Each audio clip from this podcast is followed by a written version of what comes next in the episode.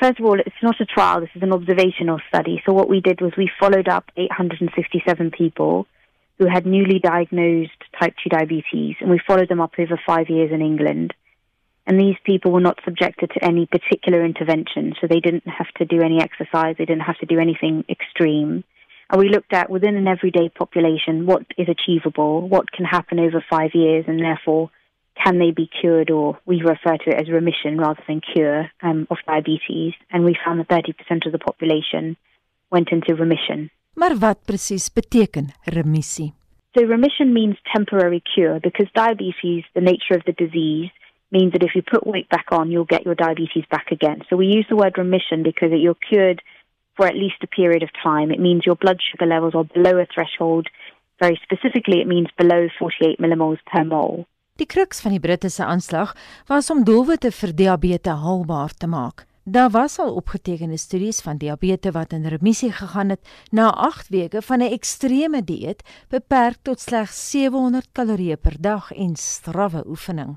We didn't subject them to any phys extreme physical activity, no diet, no particular weight loss goals. We asked them to just live their normal everyday life, which represents most of the population. So I work as a as a doctor. I look after people with diabetes. That's why I couldn't speak to you earlier on today because I was in clinic. And what I find is that most of our patients can't adhere to very extreme calorie restrictions. And therefore, it's not really achievable. So we wanted to just say, do what you can in very small amounts of whatever you think is reasonable from your everyday GP, whether it's getting off the bus one stop early. We didn't give them anything particular to do. And we said, just an everyday population, what would happen if patients aren't committed to extreme dieting or extreme weight loss?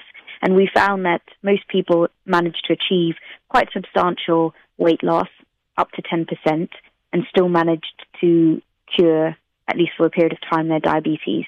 Dr. Ajira Damba Miller van Cambridge Universiteit se departement openbare gesondheid sê die aanslag van die studie was prakties en ook geskoei op wat Jan en San publiek sou kon bekostig. Whatever science you do, whatever you must look at everyday population. So one of my frustrations as a doctor is a lot of the evidence that comes down comes down from trials that don't really understand real people that are finding it difficult to get a gym membership or have a personal trainer or have a dietitian. Most people can't do that. Certainly, that represents the majority of the patients I look after.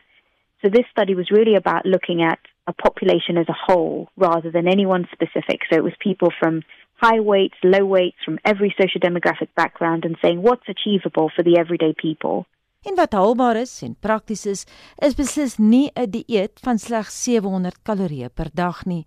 Bittermin mense het die motivering of vermoë om daarby te hou. Nou gaan Cambridge se wetenskaplikes hulle ongetoetste teorie op akademies gefundeerde wyse verder voer. Once we've had an idea of what can be achieved, which we saw was about 30% of the population managed to achieve, we can now look at a trial. And in that trial, we're now going to look at what specific weight loss what exactly did they do in terms of the exercise? How much weight did they lose? So it's a bit of drilling down into a bit more of the detail. But the key is we want to avoid what most of the existing evidence says, which is you have to fast for you know long hours, you have to restrict your diet, you have to only drink fluids for a certain number of days. They're not practical for the real world. And the reason we know that is because there's been quite a few massive trials even in the trials themselves, these are multi-million pound trials that have got personal trainers and dietitians and health psychologists. Less than 25% of the population in these trials actually followed through the whole trial. And that's why we thought as doctors, actually, we need to look at something that's relevant to the everyday population.